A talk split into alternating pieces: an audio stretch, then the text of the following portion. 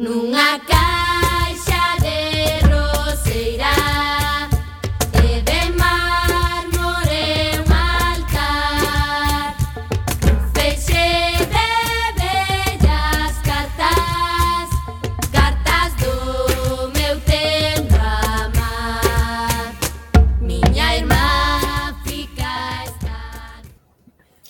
Ola, que tal, recendeiras e recendeiros? Benvidas e benvidos a este espazo radiofónico semanal dedicado á cultura que facemos en riguroso directo todos os martes a 7 da tarde aquí na Cuac FM no 103.4, a Radio Comunitaria da Coruña.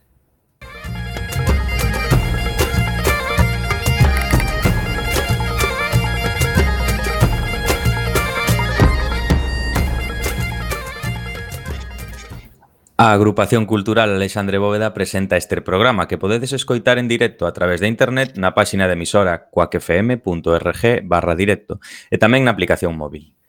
E se non chegaches a tempo, non hai excusa, compañeiras. Podedes descargar todos os programas xa emitidos no Radioco, o mega podcast da nosa emisora, ou tamén podedes escoitalo na redifusión, que será os mércores ás 8 da mañá, os venres ás 16 horas e na madrugada do domingo ao luns, ás 12 da noite. E a partir de agora seguídenos nas redes sociais, tanto deste programa Recendo como da propia agrupación cultural Alexandre Bóveda, que teñen abertas as súas canles en Instagram, Twitter e Facebook ou na web www.acalexandrebóveda.cal.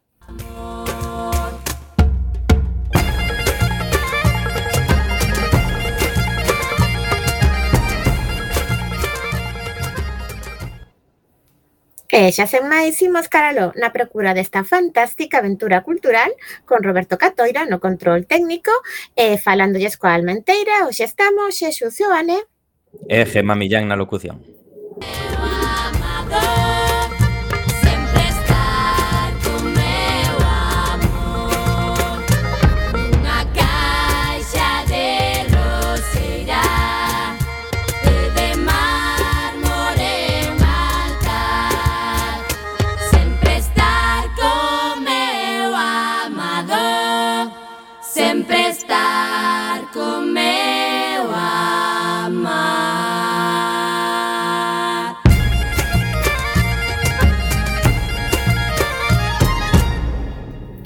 programa número 382, co que pechamos a nosa duodécima tempada.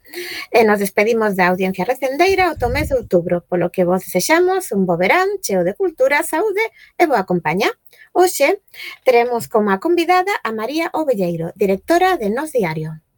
Tamén teremos a sección de feminismo a cargo de Cristina Bajo e falaremos das actividades da nosa agrupación e das outras cosas que se fan na Coruña e na Galiza e que tamén son cultura. A música de hoxe. Dous na fronteira é un interesante dúo formado pola cantante Carmen Penin e o pianista italiano Mauricio Posinelli. No ano 2015 editaron un curioso disco titulado Sons de Nós, no que musican poemas da época da xeración Nós, que seguramente deu nome ao Nos Diario, que naceu xusto un século despois da edición do primeiro número da revista Nós, vamos, todo relacionado. Presentamos a primeira peza de hoxe titulada Teño unha dor baseada nun poema de Ricardo Carballo Calero, xa sabedes, homenaxeado no Día das Letras Galegas do pandémico ano 2020.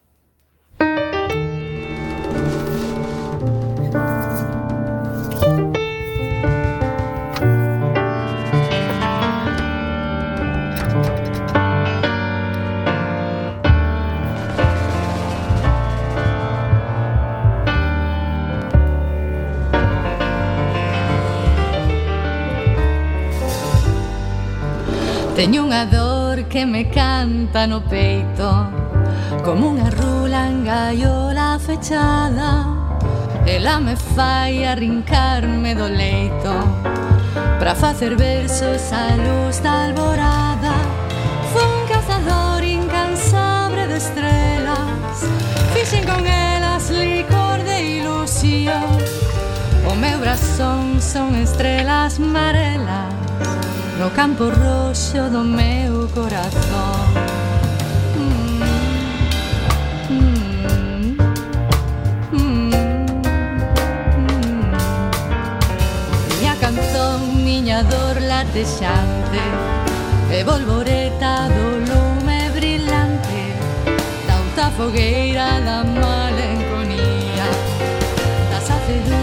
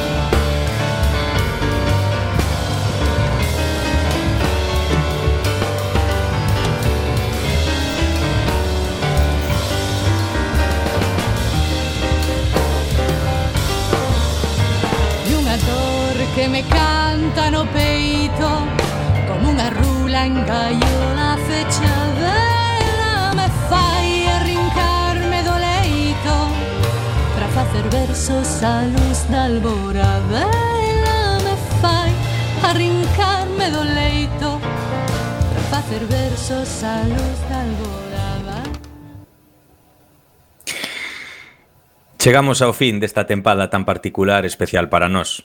Non queríamos deixar rematar o curso sen falar co responsáveis dunha das iniciativas máis importantes dos últimos anos. En xaneiro do ano pasado saía a luz o Nos Diario, única cabeceira en galego que podemos atopar nos quiosques de Galiza. Unha aposta arriscada, pero totalmente necesaria para todos aqueles que desexamos un futuro mellor para a nosa terra.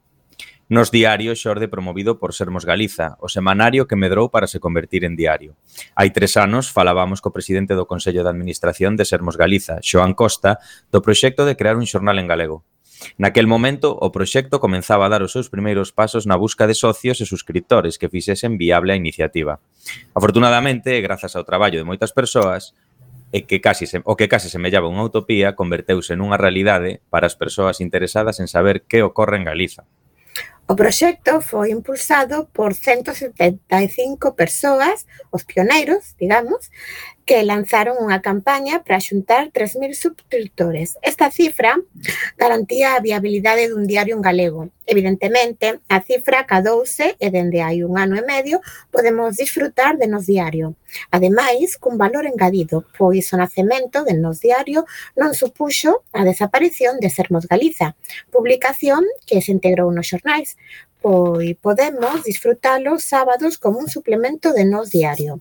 Nos Diario naceu como un proxecto que desexaba abordar os temas que se botan de menos na xenda mediática galega e caracterízase por unha ollada constructiva e transformadora da realidade social e económica galega. Para saber se foi así e que nos conte aos seus inicios e as súas anécdotas tamén hoxe temos connosco a directora de Nos Diario, a xornalista María Ovelleiro. Moi boa tarde, María. Ola, moi boa tarde. En primeiro lugar, agradecer o, o convite, ademais, pois neste programa tan especial co que pechades a, a temporada, unha temporada tamén pois eh, complicada, marcada pola, pola situación da pandemia e tamén boa tarde a todas as persoas que nos están escoitando. Pois, bueno, moitas grazas por aceptar o, o convite, María, e imos xa empezar polo principio, porque isto é un comenzo, bueno, parabéns, antes que nada, pero un comenzo de, de ano e medio xa na rúa que leva o, o xornal, o, o diario Nós. Eh, nos facíamos unha alusión á presentación do nome. Entón, se queres empezar por aí, de por que retomaste o nome de Nós, é clara a alusión á mítica revista ou como foi? Sí, claro. Eh, bueno, pois o nome nos veu motivado sobre todo, bueno, pois por esa xeración, non?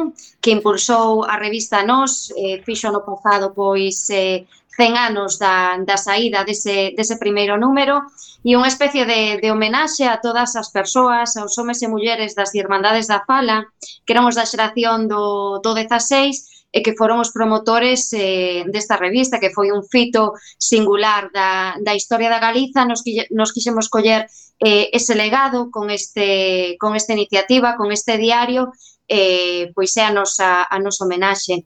E tamén ten ese, ese contido, non? tamén ten esa, esa continuidade que quixemos darlle coa cabeceira deseñada por, por un dos mellores grafistas de, deste país por, por Pepe Barro eh, tamén pois fixo súa a, a cabeceira de, de Nos, da revista Nos eh, con distintas evolucións de feito cando presentamos o proxecto fixeron a, unha explicación eh, fermosa con imaxes de como evolucionara o a cabeceira o deseño até chegar a, a actual eh, que podes atopar nas redes.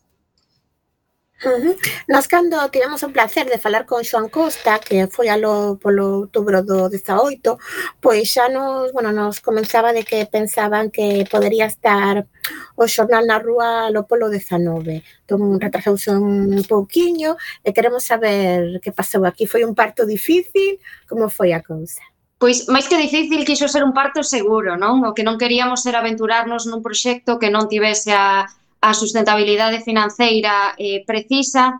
Entón, o que fixemos foi, primeiro, eh, o primeiro de todo, pois, eh, dar a coñecer o proxecto e despois xa, eh, digamos, socializalo en diferentes actos que tiveron lugar ao longo da Galiza. Eu, foron dúcias e dúcias e dúcias de actos cos que levamos o proxecto pois a, a moitísimos puntos. Cada vez ademais chamámonos de máis sitios, máis asociacións para poñelo en coñecemento, para tratar de sumar apoios e foi así como conseguimos as, as 3.000 suscripcións. O que tiña claro o Consello de Administración, como vos contaría Xoan Costa ali en 2018, era que non se quería eh, ir adiante con este proxecto sin que tivese unhas bases sólidas, non? O que non, o que non se quería era pois eh, sair a modo aventura para que ao cabo de uns meses ou un ano tivese que, que votar o fechamento. Entón, desta maneira, pois, eh, nacemos, digamos, eh, sustentados con ese alicerce, esa seguridade que nos dan as eh, milleiros de persoas que acreditaron nun proxecto así e que a día doxe fan eh, este xornalismo pois viable. Uh -huh. Se tiveras que resumir cun só obxectivo este ano en medio de traballo, cal sería? Nós temos aquí frenético, pero igual ti dis outra cousa. Digo que se tiveras que resumir con un adxetivo este ano e medio de traballo, que cal sería? Porque eu aquí no guión teño que frenético, pero igual ti dis sí, outra sí, cousa. No, frenético, frenético sería a palabra porque ademais nun, nun diario, bueno, pois eh, ese frenesí vivímolo pois constantemente, non? Temos que estar moi apegados á actualidade, cambiar, estarmos pois abertas a, a a flexibilidade, a ter que estar, bueno, pois pendentes do que está ocorrendo para cambiar, para vamos, que non é un traballo que, que aburra en absoluto, e un día nunca é igual o, o día seguinte nin o día anterior.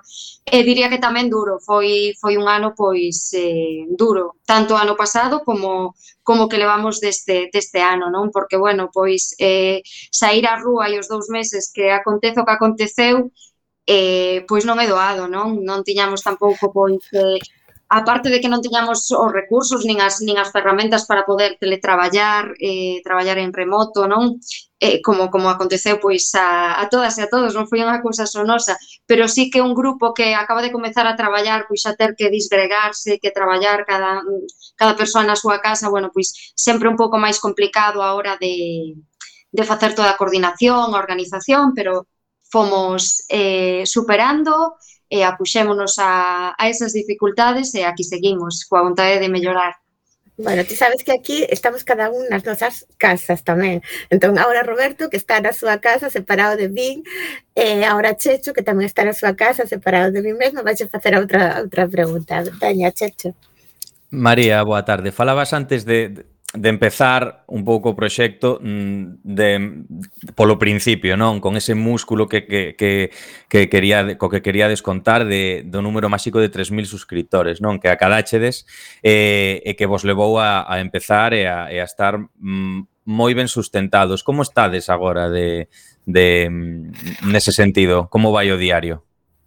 Pois ben, eh, continuamos medrando, eh, queremos medrar máis, aí sí que tivemos unha, unha eiva, que foi unha eiva importante para nós, non? Porque tiñamos pensado pois comezar precisamente a finéis de marzo unha campaña ambiciosa en todo que era a hostalaría, e, bueno, pois a pandemia truncounos completamente pois ese camiño, non? Era un camiño que, que queríamos abrir, bueno, para, tanto para incrementar as suscripcións como para incrementar tamén a cantidade de, de persoas lectoras, non? Porque ao final sí que é certo que todo o que ten a ver co hostelería pois é, é un medio de, de difusión do proxecto importante.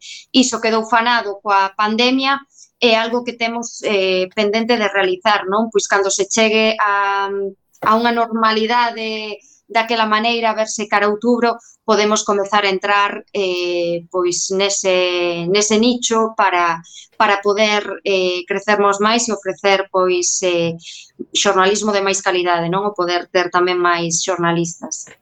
A nivel de que falas, a nivel xa de profesional de xornalismo, contanos un pouco que se que, que como se traballa, que se senta ao, ao, ao non ter eh, a presión de, dun grupo mellor non de, de empresarial potente detrás que te condiciona eh, e ter esa liberdade non que che dan os, os, os suscriptores eh, ou que che dá pois un pouco este, este, este modelo eh, económico que tedes.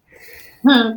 A ver, a presión, eu creo que é unha presión maior ter en conta pois que temos eh, máis de 3.000 persoas detrás non persoas que, que están pois eh, apoiando, que están facendo un esforzo por, por eh, por axudarnos, por facer que este proxecto pois eh, se manteña e incluso medre, non? Son moitísimas persoas e moitísima responsabilidade, non? Eh, tratar de responder pois eh, a esas necesidades eh, informativas, a esa a todo que a todo que a suscritoras e suscritores eh, pois buscan de nós. Mas sí que tamén é certo que, que bueno, pois Este modelo permítenos practicar un xornalismo mm, sen complexos, un xornalismo valente, un xornalismo independente, non? Todo o que ten que ver pois cun modelo de financiamento alternativo como este, sí que nos, eh, bueno, pois permítenos aí eh, poder, digamos, eh, facer un xornalismo que outros medios non, non poden facer, non? Por esa imposibilidade que hai, o que comentabas ti, non?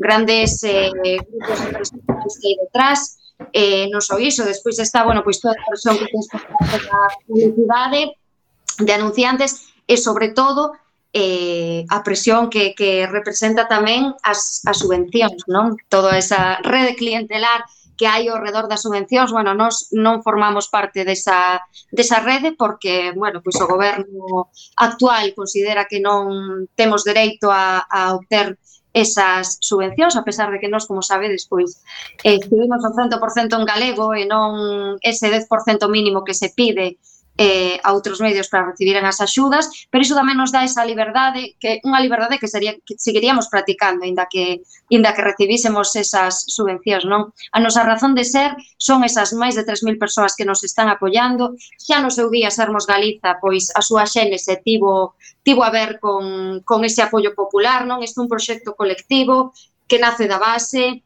plural, moi coral, porque ademais a empresa que é Sermos Galiza, S.A., está formada por máis de 900 accións. Iso tamén pois dón a imaxe da, da, bueno, da coralidade que hai detrás, da pluralidade que hai detrás deste, deste proxecto, non? Así que, como ti decías, pois sí, é moita presión para min, vamos, é moita responsabilidade por todas as persoas que hai detrás, mas sí que é certo que nos permite eh, practicar un xornalismo pois mm, des, eh, desacomplexado, un xornalismo libre e que contribúa ademais, bueno, pois co, coa razón de ser que ten que ten o xornalismo, non? Atuar pois de, de bueno, de, de acicate, de, de todo o que está pasando, de todas as eh, cacicadas, eh, sen, sen ningún tipo de problemas. Non nos non temos, non nos doen prendas a hora de, de, pois, de informar sobre, sobre o que sexa. Non? Moitas veces, pois, cando facía a presentación do, do proxecto, cando íamos por, pola Galiza inteira, varios membros do Consello de Administración, eu tamén estaba eh, polo medio presentando, e comentaba, non, naquel momento, bueno, pois todo o que teña que ver co, co procés catalán, tamén todo o que tiña que ver coas, coas axudas á, á banca, non, coa destrucción do sistema financeiro galego, etc, etc. Claro, son cuestións na que um, boa parte dos medios pois non informan quizáis como se debería de informar porque están suxeitos pois a determinados intereses os que nós non estamos suxeitos. Nos ao final debémonos a esas máis de, de 3.000 persoas que son as que fan posible isto e son as que eh, permiten que hoxe, pois, eh, estou aquí falando con Bosco desde, desde a nosa redacción de Nos Diario que está en Santiago, e as miñas compañeras e compañeros tamén aquí, non? Se non chega a ver esa aposta, nos non, non poderíamos estar aquí informando. Uh. Bueno, pois eh, Maríamos facer unha pausiña nesta interesantísima conversa para falar ca nosa correspondente da sección de feminismo que se chama Cristina Bajo, que xa está aquí ríndose, mandándonos biquiños pola cámara, pero antes de que fales, eh, Cristina, imos presentar a túa sintonía e disfrutar con ela un poquinho. Ay, la, la, la, ay, ay. Ai, santa muller que me escoitas? Escoita o vento que trae a resposta. Ai, santa muller que non lembras? Escoita a ti que sabe. Uh -huh. Agora sí, moi boa tarde, Cristina. Boa tarde a todo o mundo e parabéns a María Belleiro polo eh, proxecto que están desenvolvendo e o traballazo que levan a cabo e agradecese. Así que, bueno, eh, eh, a miña sección é a sección de feminismo e cando falamos de feminismo penso que o feminismo te, ten que ser o paraugas de todos os colectivos eh, que son oprimidos polo patriarcado. Entón aquí ten cabida eh, todo o colectivo LGTBIQ, Entón, onte foi o día do orgullo LGTBIQ. Eh, antes de nada, eh, penso que é moi importante a memoria histórica entender de onde parte ese, esa celebración e parte do que sucedido en Stonewall, en Nova York, cando houve unha redada por parte da policía eh, contra o colectivo LGTBIQ e a partir de aí foi cando se empezou a, a, a celebrar todos os anos este día. Que sucede?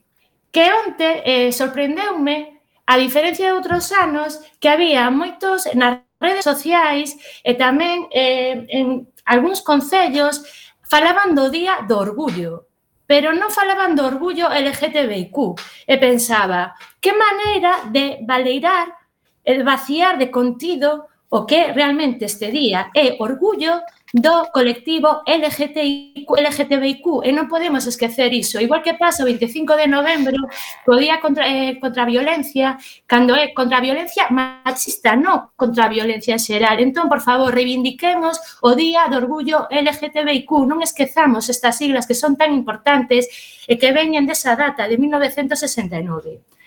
Onte tamén un día para, eh, para celebrar que a lei trans por fin vai sair adiante. A lei trans que se, que se vai levar a cabo a nivel estatal é unha lei que por fin va despatologizar, va deixar de tutelar as persoas trans, vai a non obrigar as persoas trans a pasar por cirurxías polas que non queren pasar, non vai obrigar a xente a que teñan que definirse nese binarismo de home e muller, senón que é unha lei que por fin dá liberdade a xente para decidir quen queren ser nesta sociedade.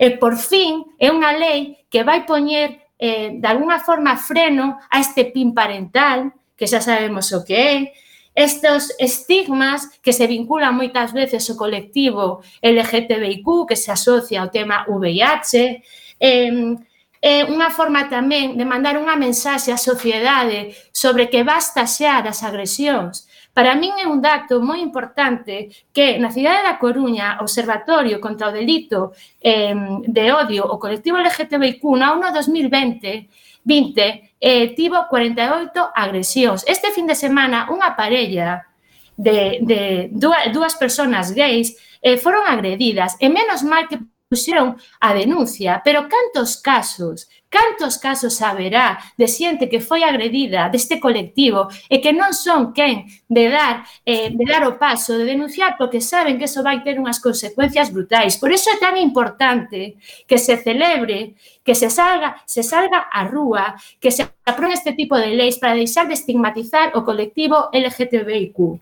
Por iso tamén é moi importante que por fin aprove unha lei propia, unha, unha lei galega eh, do colectivo LGTBIQ. Por favor, que eso é algo que se está demandando dende o colectivo dende fai moitísimo tempo. E cando falo do colectivo LGTBIQ, insisto, falamos dende o feminismo. Vale. Penso que quedou moi claro, eh? ¿Eh? Que eso que quedou moi clariño, eh, Cristina? É que iso é moi importante remarcalo, porque tamén é certo que levamos eh, un tempo onde o feminismo parece, unha parte do feminismo parece que quere tomar distancia e non quere incluir as persoas trans como suxeitos do feminismo, e sí que o son. Eh, e tamén eh, quero facer fincapé nun feito moi importante, que a ultradereita, e non a ultradereita, a dereita está agora mesmo eh, coas armas en alto, están intentando que eh, haxa unha involución en todo en toda esta visibilización, en esta forma de acadar dereitos para para o colectivo LGTBIQ. Por eso me, por eso mesmo nalgúns concellos, e por exemplo a nivel estatal en Madrid, por primeira vez as institucións non sacaron as bandeiras, porque hai determinadas organizacións políticas que queren volver a estigmatizar a, a, ao colectivo. Entón, por favor, temos que ter moita conciencia. Temos que seguir eh, eh, eh, mm, sendo moi conscientes que é algo que non está todavía eh, asumido por, por, todas, por toda a xente. Isto é negativo, pero en positivo tamén, e cara ao verán a forma de combatir a ultradereita, a forma de combatir esta, esta, esta mentalidad conservadora, esta, esta mentalidad empobrecedora, porque cando falamos de diversidade, falamos de riqueza, falamos de, de diversidade é a través da educación. E da educación, afortunadamente, se está xenerando moitísimo material audiovisual e cultural e que é moi interesante velo. E agora que imos cara o, as vacacións e que temos tempo, pois sí que me gustaría aproveitar este momento para recomendar unha serie de series como é Transparent, Maricón Perdido, que é unha serie maravillosa, Post, é un libro que lín este, este mes, que señoras que se empotraron hace mucho que fala da historia das mulleres lesbianas e bisexuais que se, en todo momento se invisibilizaron. Entón, dende o século XVIII se recolle. Entón, xa que onte celebramos o Día do Orgullo LGTBIQ, que mellor maneira de celebrarlo que lendo sobre a historia de mulleres lesbianas. Así que, ata aquí a miña sección de hoxe. Moitísimas bueno, gracias. Moitísimas gracias, Cristina, da un gusto enorme escoitarte falar destes temas con tanta paixón. Desexamoste un bo verán, sabes que pecha, pechamos contigo a tempada recendeira, e como xa recomendaches libros, e recomendaches series, e recomendaches de todo, pois un bico feminista. Mm, bicos. Eh, escoitámonos en outubro. Eh, seguimos, despedimos a Cristina e seguimos e retomamos a conversa con María Belleiro, que está tamén levando a bicos a Cristina, aquí todo o mundo está a bicarse a través das cámaras, é estupendo, pero este, bueno, está gozadera gozadera daqui do último último programa de Recendo, eh, insisto, retomamos a conversa con, con, Crist oh, con Cristina, despedimos a Cristina e retomamos a conversa con María. María, non sei se chegaches a decir o número exacto de subscriptores que ten agora mesmo nos diario? Non, porque non o sei agora mesmo. Eh, mentiría se dixese que, que sei cantos son. Sei que son máis de sei que son máis de 3500, eh, creo que pasamos dos, dos 4.000 agora mesmo, pero non sei exactamente cantos son. Eu eso deixo sempre en mans do, do Consello de Administración, limítome a facer o, o xornalismo, a encargarme dos contidos, e, eh, bueno, claro, obviamente, pois, eh, cantos máis suscriptores e suscriptoras teñamos mellor, porque iso tamén, como vos dicía antes, pois, eh, permitiría que tivésemos máis eh, xornalistas, máis traballadoras e traballadores e tamén permitiría facer un, un xornalismo de máis calidade, porque o xornalismo de calidade hai que pagalo, e se non o pagas, eh, pensa, reflexiona eh, quen está pagando por ti ese xornalismo, non? E que, bueno, pois que, que intereses pode, pode haber detrás para que cho paguen. Uh -huh. Mira, xa, ao marxen da pandemia, Cales foron para vos os principais fitos que marcaron o devenir da actualidade en Galicia? Meu Deus, eh, pois mira, o principal, falasme deste ano, do ano pasado, desde que comezou a pandemia. Sí, dende, dende que comenzaxe des vos a tratar as noticias coa vosa particular ollada.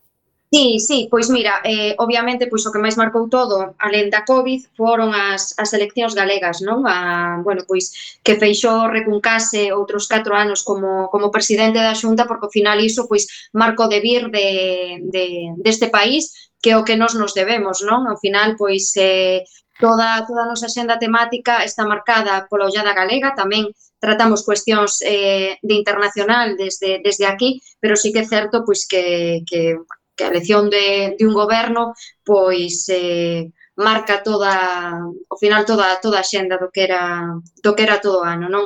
Entón, nese sentido creo que foi pois eh, unha das cuestións informativas que máis marcaron eh, este ano, desde, desde o ano pasado até, até o de agora, porque ao final, bueno, pois moitas das informacións que, que publicamos cada día fan alusión eh, ou son consecuencia de decisións que se adoptan no, no seo do, do Executivo Galego, non? Alén de todo aquilo pois que se, que se decide pois desde o goberno estatal ou mesmo desde Bruselas que lamentablemente cada vez son máis son máis cuestións. Entón pois se diría iso, non, a conformación do goberno e o feito de que Feixó recuncase que ao final, bueno, pois eh, vemos como cambian as caras ou cambiaron algunhas caras de algunhas consellarías mais a, as, as políticas das medidas, bueno, pois seguiron sendo sendo as mesmas, non? Uh -huh.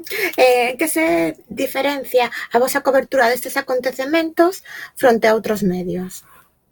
A ver, o que vos comentaba antes, non, do feito de, de termos pois eh, un sistema de financiamento mm, diferente, alternativo, non que dependa das, das suscriptoras ou dos suscriptores. Ademais, son eles que te, que teñen a chave na man para dicir, bueno, pois, eh, continúa aquí ou non continúa aquí, isto esmorece, non? Eso, bueno, pois, eh, é, algo, é algo fundamental.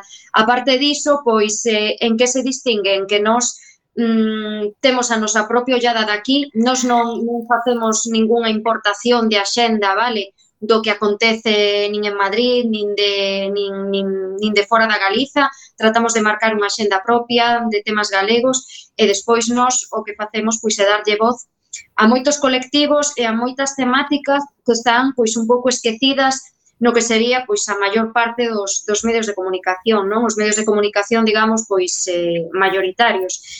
Eh, bueno, pois refírome a cuestións do tipo feminismos, eh, traballo, historia, movimentos sociais, cultura galega, vale, son, son cuestións pois que lamentablemente non imperan no que son as axendas eh, cotiás da meirande parte dos medios de comunicación e non foi un esforzo que, que quixemos facer e ademais pois foi unha das nosas razóns de ser, non?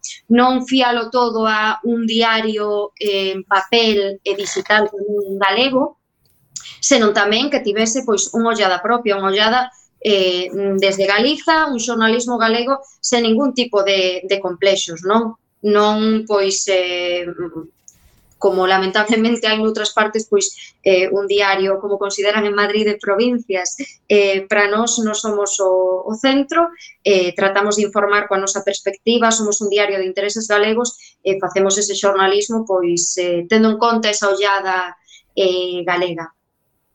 María, falabas antes de, de dous meses de existencia, chega a pandemia, eh, ou quizáis a, a estrutura do diario está todavía recén estreada como enfocades toda esta, esta situación de teletraballo, coordinación, etcétera? Contanos un pouquiño. Buf, buf, a ver, eh, eu supoño que non é nada moi diferente o que o que nos aconteceu a todas e a todos, non? Porque isto pois a dimensión que tivo e que está a ter, bueno, pois eh, ao final fixo tremer mm, todos os os cimentos do, do mundo, non?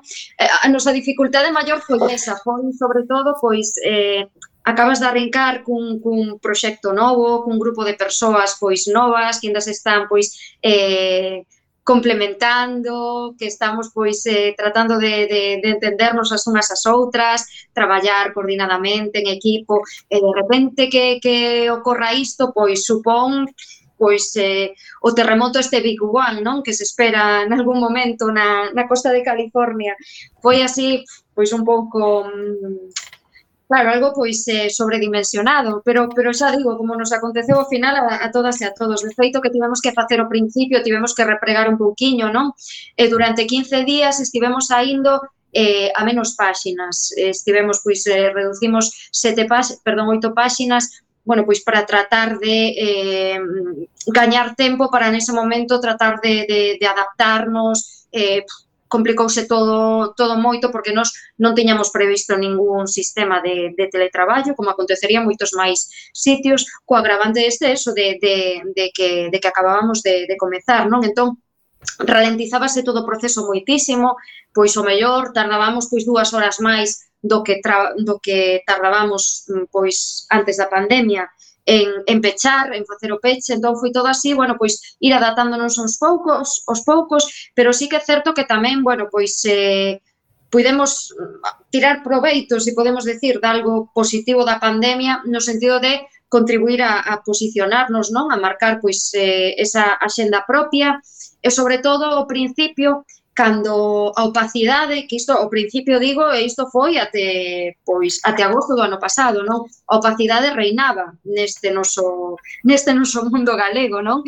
A Consellería de Sanidade apenas se fornecía datos, eh, facíanos moi difícil eh, pois facer un xornalismo comprometido, un xornalismo mm, eh, verás todos os días porque nos tratábamos de contrastar as poucas cifras que ao mellor eh, se filtraba en algún medio de comunicación e era imposible, non? Ao final, bueno, pois pouco a pouco fomos facendo presión, fomos denunciando, fomos eh, poñendo en coñecemento tamén da, das, das nosas lectoras e lectores como estaban dando información pois outros gobernos a nivel Estado español e bueno, pois eh, tamén aí a través de, de moita presión da rede, de moitas persoas, de persoal eh, sanitario, pois conseguimos entre todas e todos que, que, que fose todo un poquichiño máis transparente, polo menos pois coñecer mm, as cifras máis eh, pois máis simples, non? Porque antes nin, nin sequera nin sequera había iso.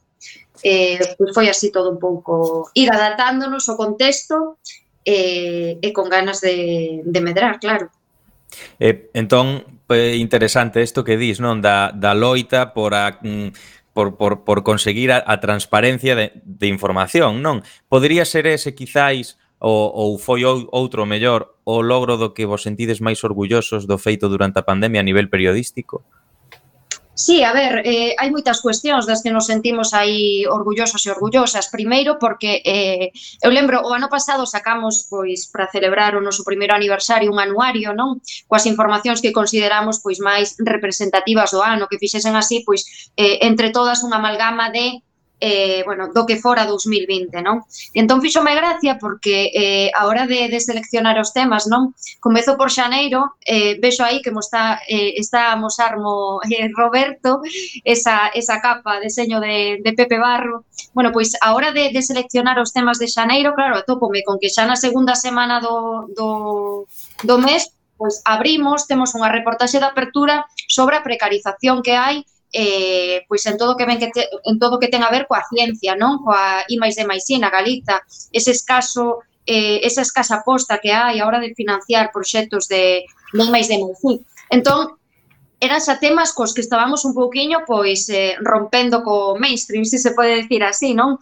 E cando ninguén falaba de, de, de cuestións destas, non? De importancia que ten a ciencia, de importancia que ten a, a I máis de máis I, pois nós xa estábamos con, con temas deste, deste sentido. Despois, diría que orgullosos, orgullosos, pois de tratar mm, de facer o que, o que nos marcamos como objetivo, non? o que vos comentaba antes de, de, de informar de outra maneira, de informar de, de, de xeito máis autónomo posible desde aquí e, e sobre todo pois tratar temas que non que non se tratan noutros medios e darlle voz a persoas e a colectivos que noutros medios pois que non se están que non se están tratando, que non se tratan habitualmente. Creo que iso sí que foi o que sí que sí que o logramos. Creo que temos que estar satisfeitos e satisfeitas non só non desde a redacción de, de Nos Diario, todas as compañeras e compañeiros, senón tamén pois esas persoas suscritoras que son a nosa razón de ser e que fan posible algo así, non? Por, por tratar, por, por conseguir, perdón, eh, con pois no medio deste rebumbio enorme, deste balbordo enorme que, que tivemos e de todos estes problemas, conseguir eh, sair adiante, eh, seguir aínda aquí e tratar de, de aplicar melloras non para os próximos meses. Uh. Cando o nos diario era aínda son de pois moita xentiña non comprendía moi ben esa aposta polo papel, polo físico. Entón, imaginamos que sería máis viable existir como xornal online, polo menos para principiar. Entón, nos queríamos que nos contaras un poquinho esta, esta aposta. Agora, co paso do tempo, pensas que foi unha aposta correcta?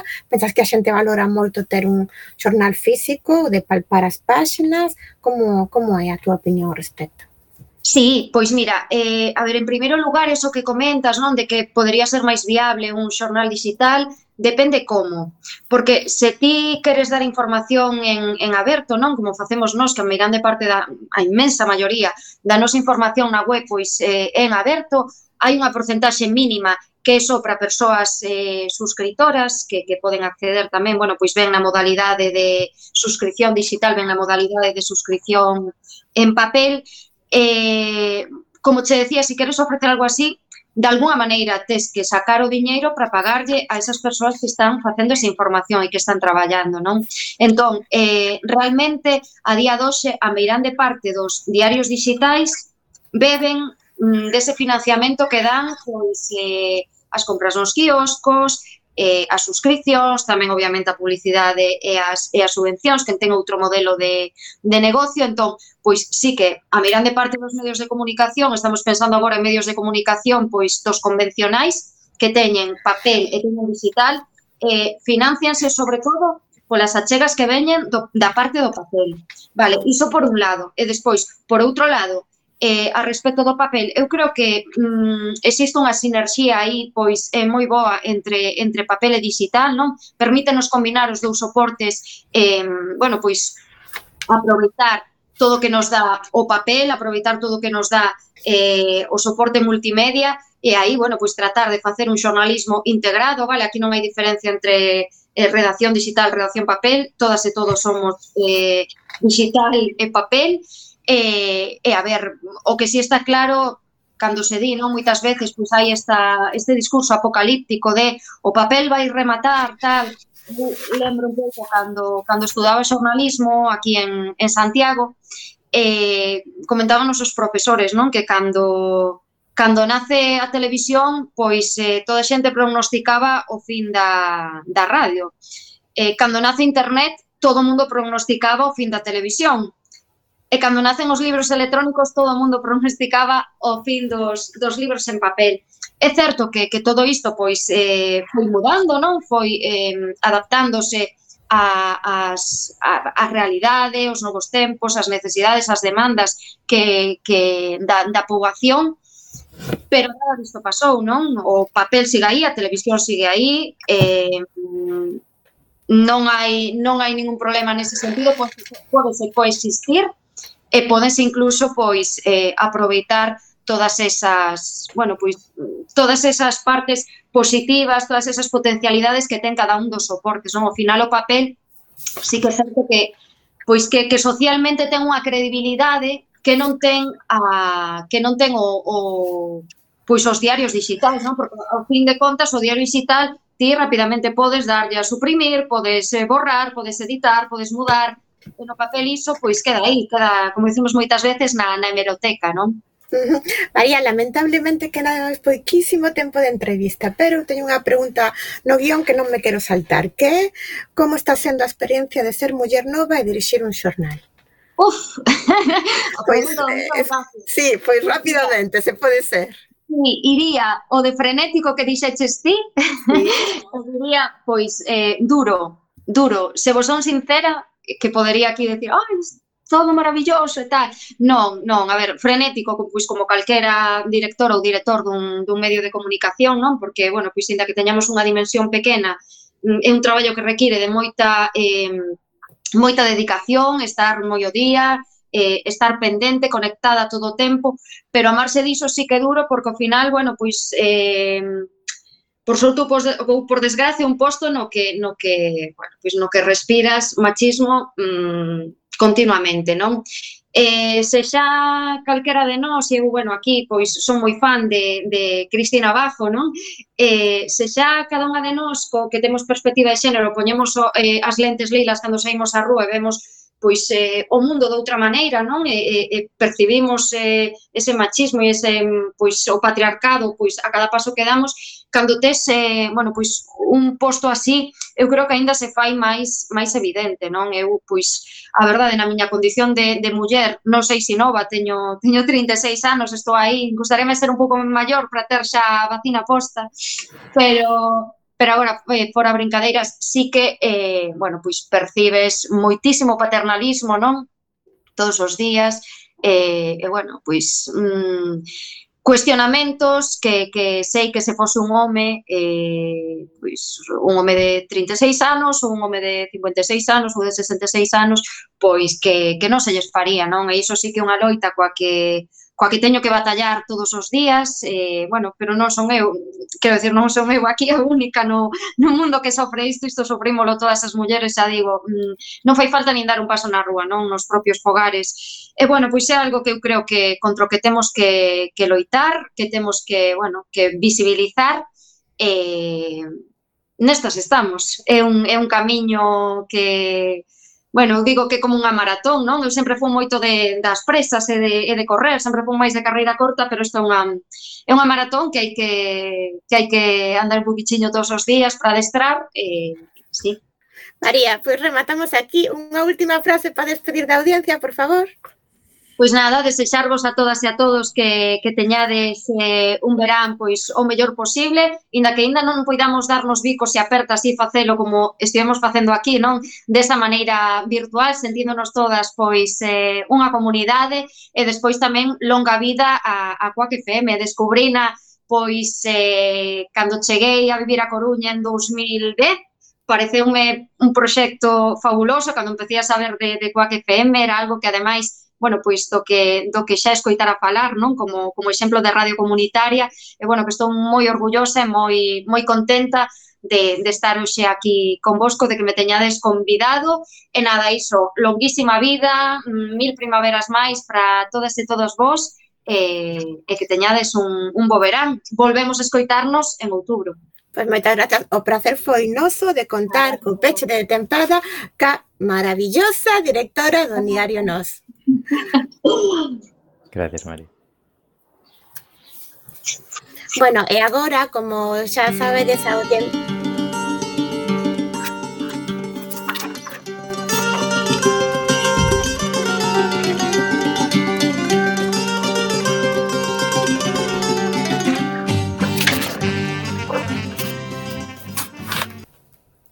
A decir que Agora locutamos as axendas culturais desta semana.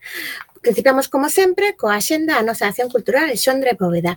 O mércores 30 presentamos no noso local o caderno Políticas Públicas da Memoria na Galiza, a terceira das obras que compón a colección de ideas impresas de Luis Bará, Torres.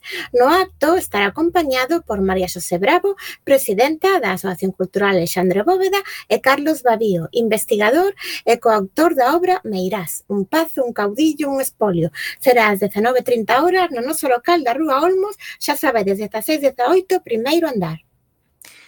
E no tocante ás letras galegas do 2022, 22, perdón, temos que decir que despois da merecida homenaxe a Xela Arias, a Real Academia Galega acordou dedicarlle, como sabedes, o Día das Letras Galegas eh, a Luisa Villalta, socia de honra da nosa agrupación dende o ano 2004, data do seu temperán falecemento.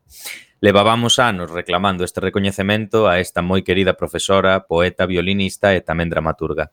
Tamén nos aledamos de que haxa máis mulleres nesta celebración. Música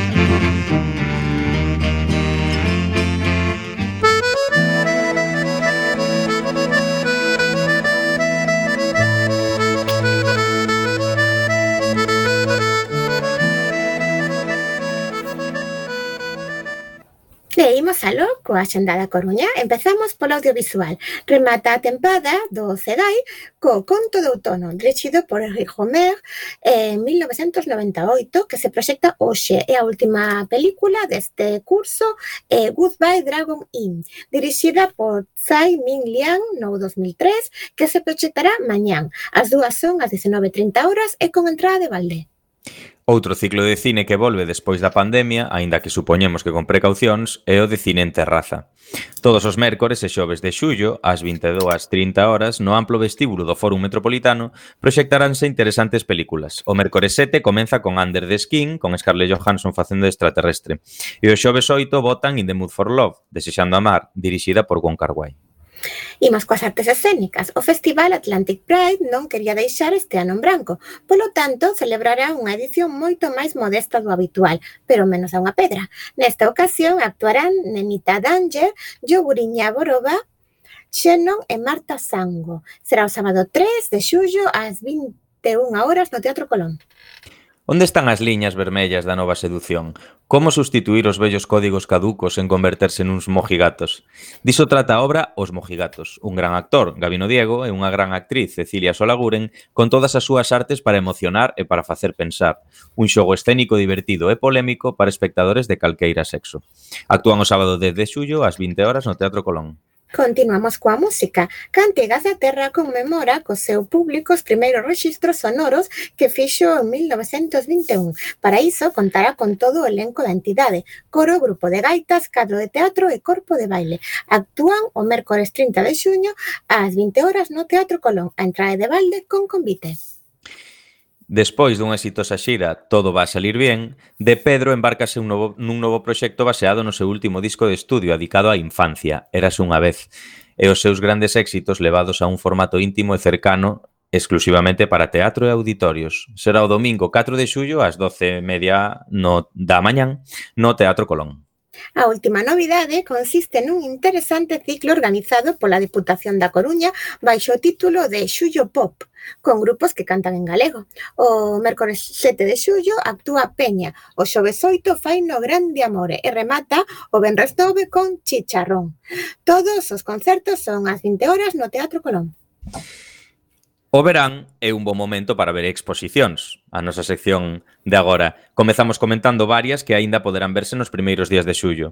O domingo 4 clausúrase na Casa Museo Casares Quiroga Resacas coronavíricas, na que podemos ver obras de fotografía, pintura, poesía e debuxo de Lucía López, Cris Bamio, Moncho Rama, Encarnación Díaz, Carlos Botana e Michael Martín Morgan. Ata o domingo 11 poderá verse Ruína e Identidade, a exposición de Marina Roibás instalada na Casa Museo de María Pita. E rematamos as axendas coruñesas desta tempada recomendado vivamente as dúas exposicións que están actualmente penduradas das paredes da Fundación Luis Seoane e seguirán todo verán. Son Lolita Díaz Baliño, a realidade soñada, comisariada por Rosario Sarmiento e Moscoso Cosmos, o universo visual de Víctor Moscoso, con cartéis psicodélicos dos anos 60 en San Francisco. E tamén recomendamos a exposición Consecuencia dun confinamento do artista Pedro Bueno Salto, que se inaugurará o venres 2 de xullo ás 20 horas e poderá verse ata o 30 de xullo na Asociación de Artistas Plásticos Galegos, Arga. Xa sabedes, citan San Andrés, número 28.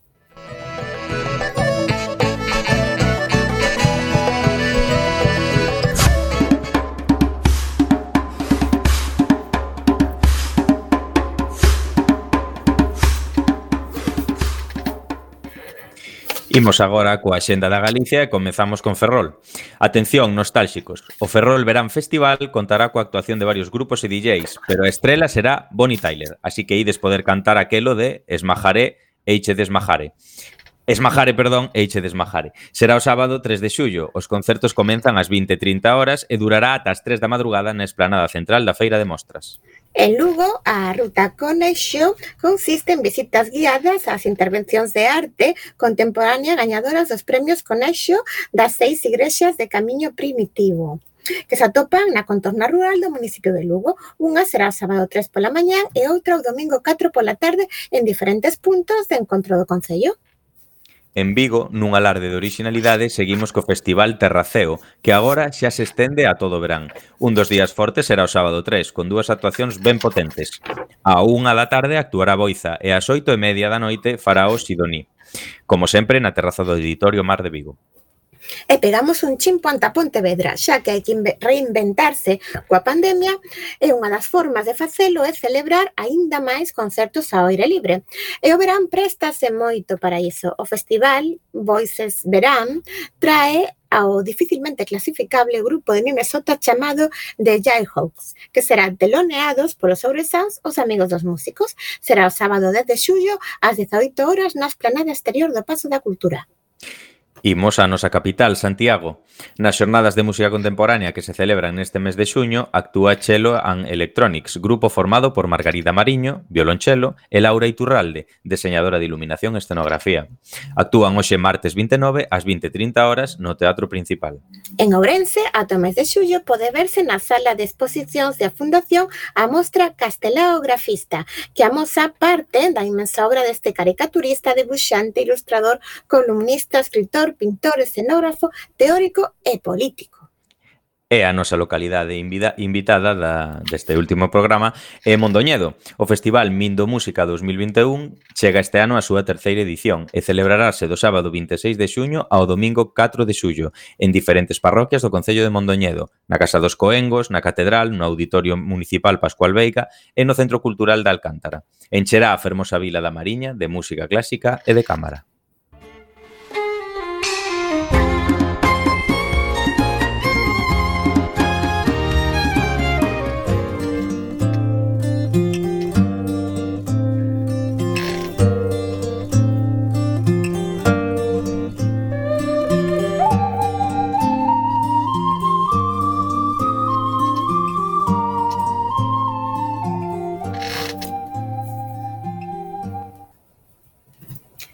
Fechei as portas, fechei os libros, fechei os ollos.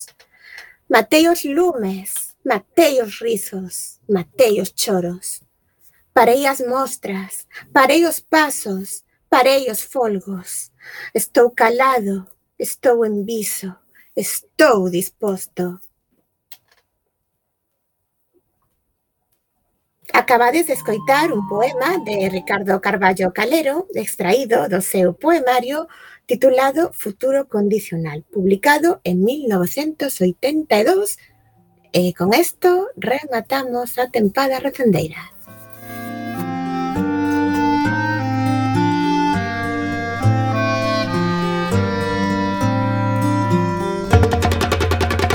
Nunha casa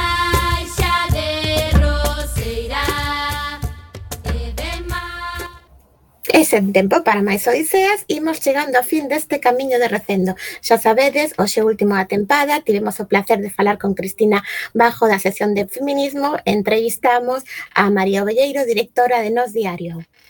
Quen estivemos aquí? Chechu? Agradecendo a semente a pedra angular de todo, o noso comando e equipo de produción formado por Javier Pereira, Gema Millán e Roberto Catoira. E estivemos Roberto Catoira nos controis e coalento do micrófono, Gema Millán muchacho se va, ¿eh? acompañándote neste recendo de palabras e de imaxes radiofónicas que nos traen este aroma cantando na nosa lingua e que nos permite hoxe e tamén no futuro a permanencia da palabra